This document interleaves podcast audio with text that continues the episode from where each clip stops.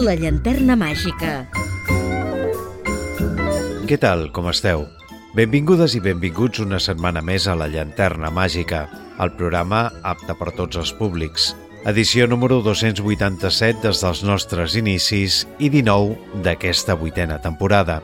Fa mig segle, Martin Scorsese ens va submergir en els intrincats carrers de Little Italy amb la seva icònica pel·lícula Mean Streets, una obra que va marcar una fita a la història del cine. Amb un elenc encapçalat per Harvey Keitel i Robert De Niro, Scorsese ens va dur per un viatge intens i cru pel submón de la màfia i la vida quotidiana a Nova York. Scorsese, un fill d'immigrants italians, tenia una connexió personal amb aquest entorn i el retrata d'una forma gairebé antropològica. Des de la bullícia dels forts de pa fins als obscurs passadissos on s'amaguen els secrets, la pel·lícula aconsegueix una autenticitat visual i emocional que ens transporta a un món molt real. Mean Streets és una obra mestra que va marcar l'inici de la prolífica carrera de Martin Scorsese i va consolidar la seva col·laboració amb Robert De Niro. Però abans d'aprofundir en el tema, deixeu-me que us recordi que podeu seguir la nostra activitat i escoltar els darrers programes emesos a les xarxes socials. Segueix el programa al Facebook facebook.com barra la llanterna màgica. Tenim una adreça de correu electrònic per si us cal contactar amb nosaltres o fer-nos arribar les vostres consultes o suggeriments. Vols contactar amb el programa? llanterna01 arroba gmail.com Tot a punt? Doncs vinga, comencem. La llanterna màgica, amb Jordi Terrades.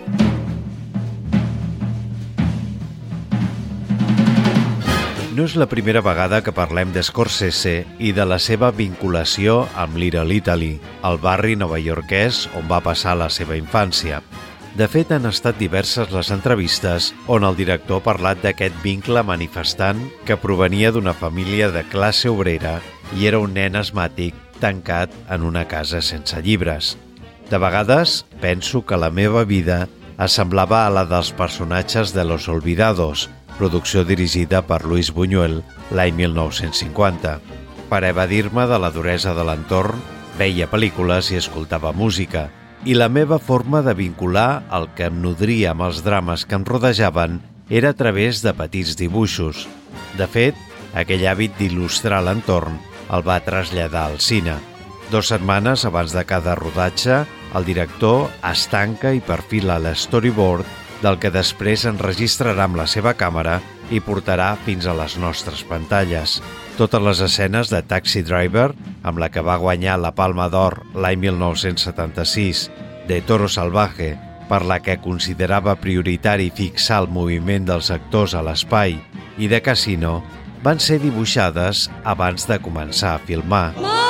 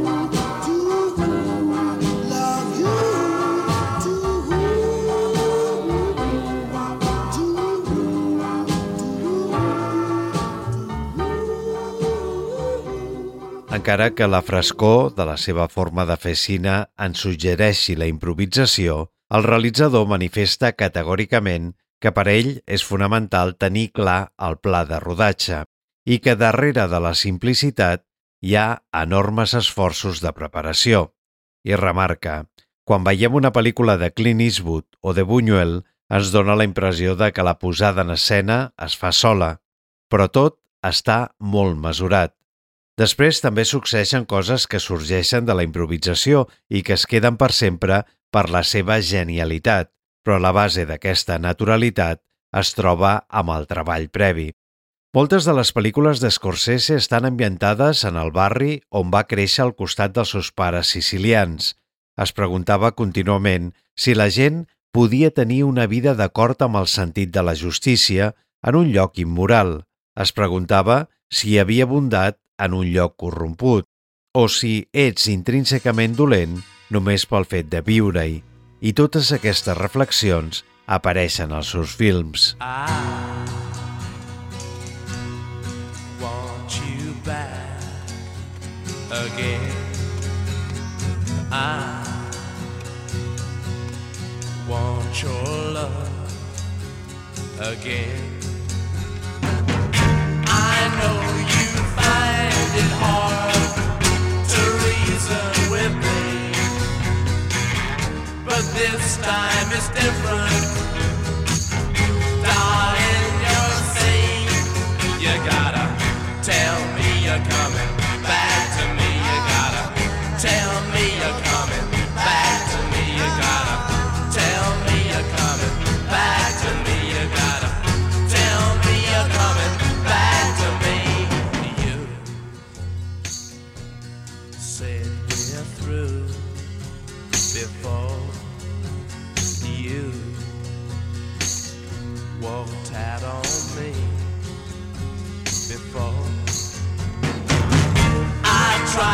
tell you but you didn't want to know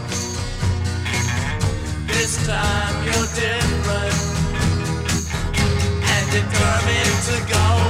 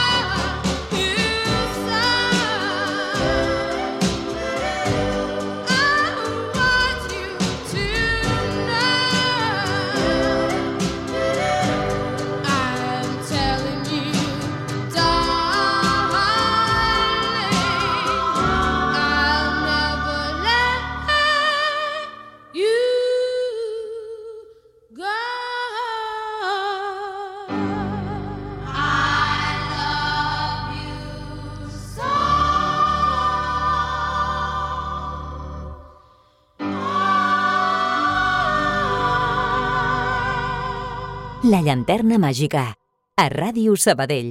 Hi va haver un capellà molt influent en la seva vida, un gran amant del western que Martin i altres xavals del carrer els va donar esperança i es va aconsellar sobre la rectitud a la vida. D'aquesta forma, entre els 11 i els 17 anys, es va donar que la única llum en aquell barri era tenir cura dels altres. El capellà el va instar a explorar l'amor i la compassió pels altres, i així ho va fer perquè l'alternativa era la violència i la mort. De resultes, Scorsese es va decantar per una vida religiosa. L'any 1956 va ingressar en un seminari, però va abandonar-lo un any després. L'any 1960 va començar a assistir a classes de cinema a la Universitat de Nova York. Entre els seus referents, Elia Kazan, igual que John Ford, que en diverses de les seves pel·lícules fixava la seva càmera sobre dos dels seus actors. De fet, ell va fer el mateix amb Mean Streets, que centra la seva atenció en Harvey Keitel i Robert De Niro. Això sí, li va costar identificar de que aquesta trama de gàngsters i amistats fraternals explica amb distància la història del seu pare i del seu germà gran.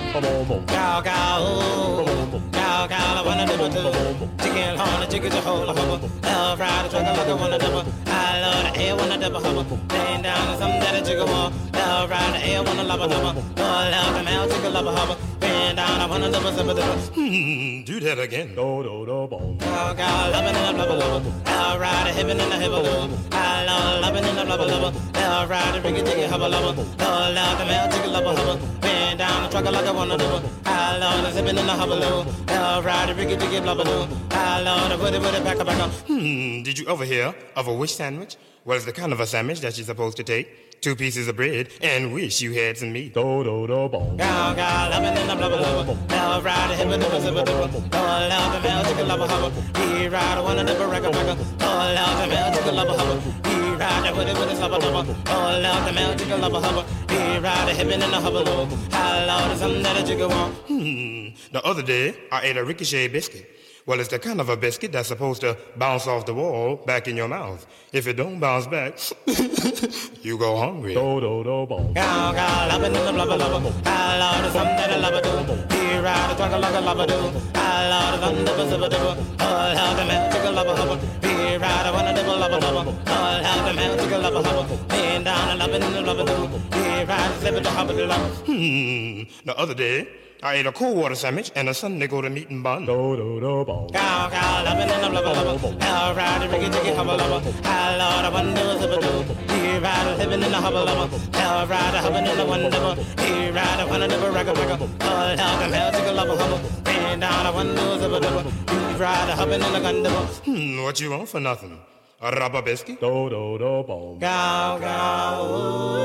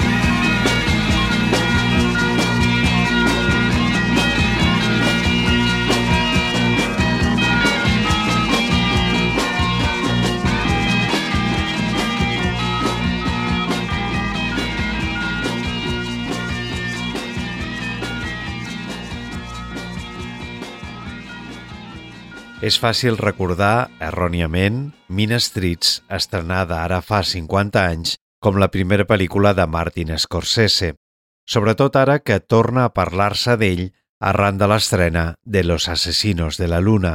Però en realitat no va ser així. Anteriorment, el realitzador s'havia posat darrere de la càmera per dirigir Quien llama a mi puerta l'any 1967, acompanyat del seu company d'estudi Harvey Keitel i la muntadora Thelma Shoemaker, amb els que posteriorment seguiria treballant, i el tren de Berta l'any 1972. En realitat, Mean Streets va ser la tercera pel·lícula d'Scorsese. El que no hi ha dubte és que aquesta va ser la primera amb la que veritablement va arribar al gran públic. Al mateix temps, el treball del director influiria en tota una nova generació de cineastes independents, entre ells Richard Linklater, que en una ocasió va manifestar que havien d'agrair al mentor d'Escorsese, John Cassavetes, que després de veure el segon film del realitzador, El tren de Berta, li digués de forma afectuosa «Acosta't». El va agafar pels braços, el va allunyar i li va dir «Acabes de gastar un any de la teva vida fent un tros de merda. Tu ets millor que això. No tornis a fer-ho. No tens alguna cosa que vulguis fer en realitat? Així que Scorsese va tornar a treballar en The Season of the Witch, que més tard es convertiria en Mean Streets. I want, I do, I want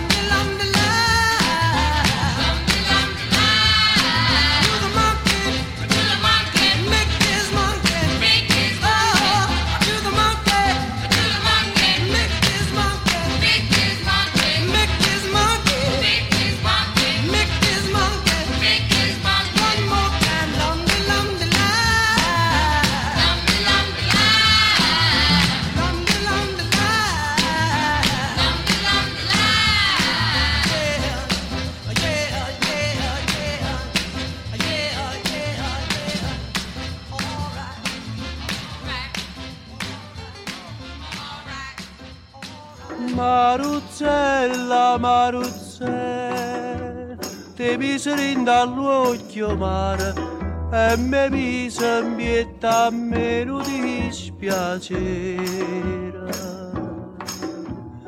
Sto cuore mi fai sbattere più forte l'onna quando cielo è scuro. Prima mi dice sì e doce roce mi fai morire. Maruzzella, Maruzzella.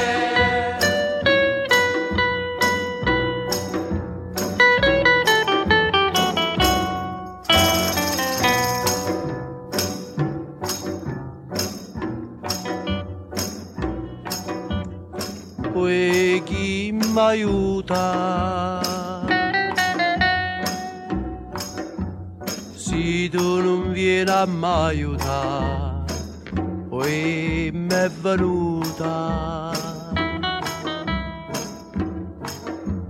Una voglia ardente te va e viene vedete noi bella, e dammi sta bucchella, capa ma volena e zucchero se fa. Maruzzella, Maruzzella, te mise dall'occhio mare e me mise in a me non dispiacere. Sto cuore mi fai sbattere più forte l'onna quando cielo è scuro.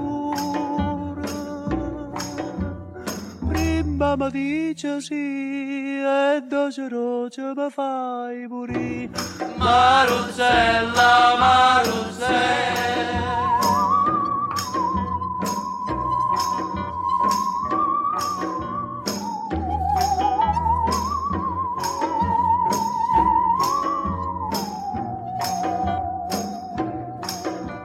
Sto cuore mi fai sbattere più forte l'onna quando cielo è scuro. Mi dice sì e doce roce mi fai morire. Maruzzella, Maruzzella.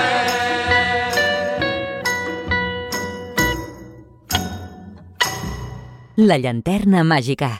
Disponible a Spotify, Apple Podcast i iVox. A principis dels anys 70, el llibre de Mario Puzo, El Padrino, era tot un èxit. Mean Streets era la seva antítesi. El nucli de la pel·lícula és la relació entre Charlie, el que dona vida a Harvey Keitel, un gàngster conflictiu turmentat per culpa de la religió catòlica i un alter ego del propi Scorsese, i el seu volàtil i perillós amic, Johnny Boy, personatge basat en el tiet del director e interpretat per un Robert De Niro bastant desconegut fins aquell moment i el que Scorsese havia contractat després d'haver-se retrobat en una festa de Nadal. Director i actor es coneixien des de l'adolescència, havent crescut tots dos al Lower East Side de Manhattan. Per Scorsese, un nen asmàtic i pràcticament confinat a casa, que havia estat devorant pel·lícules des de que els seus pares li havien comprat un televisor amb 6 anys i ara, graduat en una escola de cine amb dos llargmetratges ja estrenats, aquesta era l'oportunitat de barrejar-ho tot. Tota la seva energia reprimida i les seves idees es desfermen quan Johnny Boy arriba al bar amb una noia a cada braç. Aquí comença la veritable història d'Scorsese i de Niro, individual i col·lectivament, una de les col·laboracions entre actor i director més famoses de la història del cine ja estava en marxa. And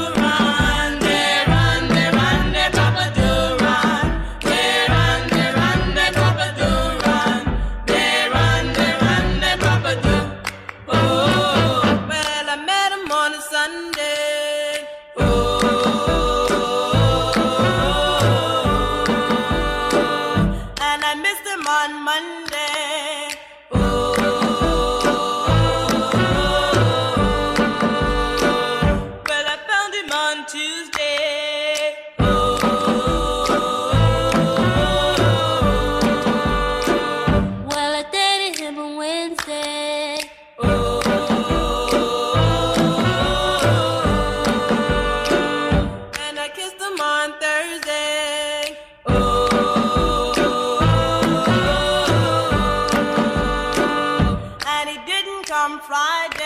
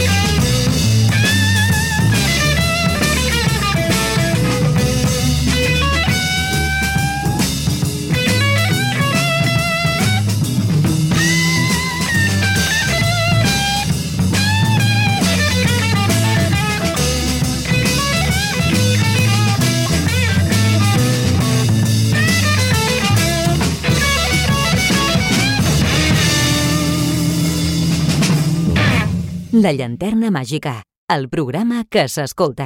El guió va començar sent com una continuació dels personatges de Quien llama a mi puerta. El director va canviar el títol de Seasons of the Witch, en temps de bruixes, per Mean Streets, carrers dolents, en una referència a l'assaig de Raymond Chandler The Simple Art of Murder, el simple art de l'assassinat, on el seu autor escriu Per aquests carrers dolents ha d'anar un home que no sigui dolent, que no estigui corromput i que no tingui por. Ha de ser el millor home del món i un home el suficientment bo per tothom. Scorsese va enviar el guió a Roger Corman, que va acceptar recolzar la pel·lícula si tots els personatges eren negres. El director estava ansiós per posar-se a treballar, així que va considerar aquesta opció, però l'actriu, Berna Bloom, va organitzar una reunió amb un possible patrocinador, el road manager de la formació canadenca de band, Jonathan Taplin. A aquest li va agradar molt el guió de la pel·lícula i estava disposat a recaptar els 300.000 dòlars que volia Scorsese si Corman prometia, per escrit, distribuir la pel·lícula. Finalment, tot va quedar en un no-res quan el finançament de la Warner Bros. Li va permetre fer la pel·lícula amb personatges italoamericans. She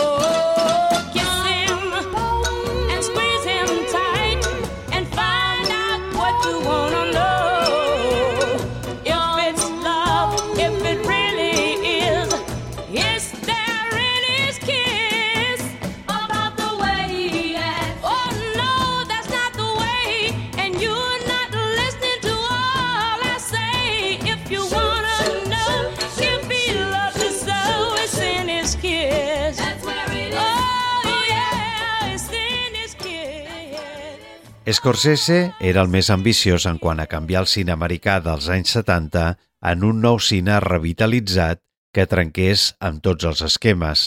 De tota la generació dels 70, formada per un grup de directors estatunidencs que pertanyien a la corrent del cine independent nord-americà, també anomenada Nou Cine Estatunidenc, Scorsese va ser el primer que va aconseguir fer el seu cine abans de vendre la seva ànima.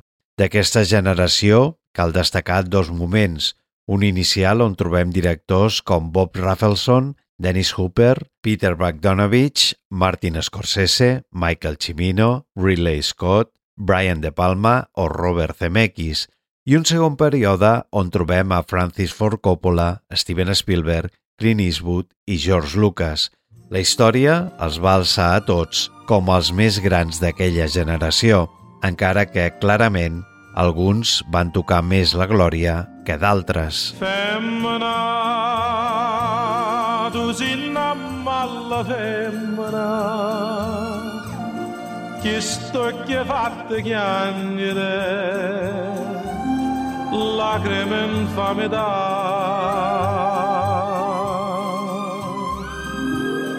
Femmina, se tu peggio n'aveva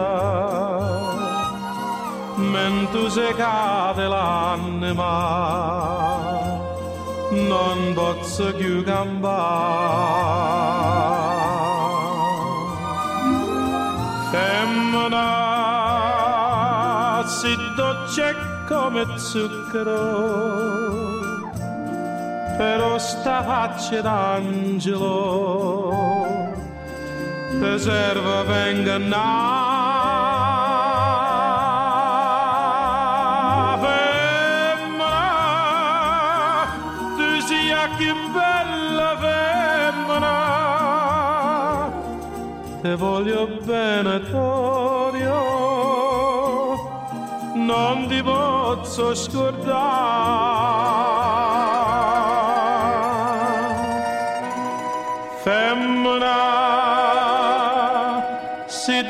dolce come zucchero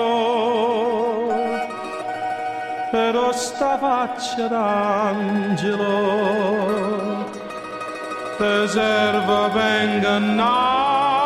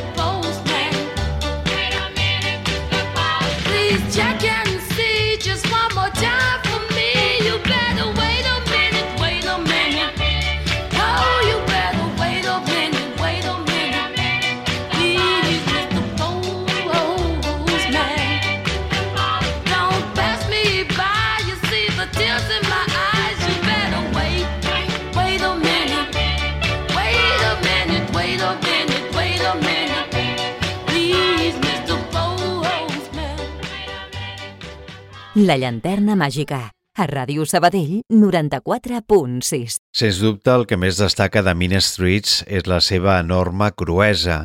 Scorsese aconsegueix, amb un treball de càmera realment innovador en el seu moment, entregar-nos un film gairebé atemporal. Filma una història tan de prop que l'espectador hi acaba submergit i atropellat per les personalitats, històries i llocs dels seus protagonistes. La trama ens situa en uns Estats Units post-Vietnam i la figura tràgica de Kennedy sobrevolant-ho tot amb les drogues prenent el control dels carrers. Al mateix temps ens porta per uns guetos que estaven separats per procedències del Nova York més esquinçat, negres, hispans, italians... Només l'ús de la música directa de la gramola del mateix director fa que es trenqui aquest encanteri, aquesta bufetada de realitat, i ho fa de tant en tant. La fotografia, signada per Ken Waitford, ens trasllada a la part més italiana de Brooklyn, l'Ira l'Italy. My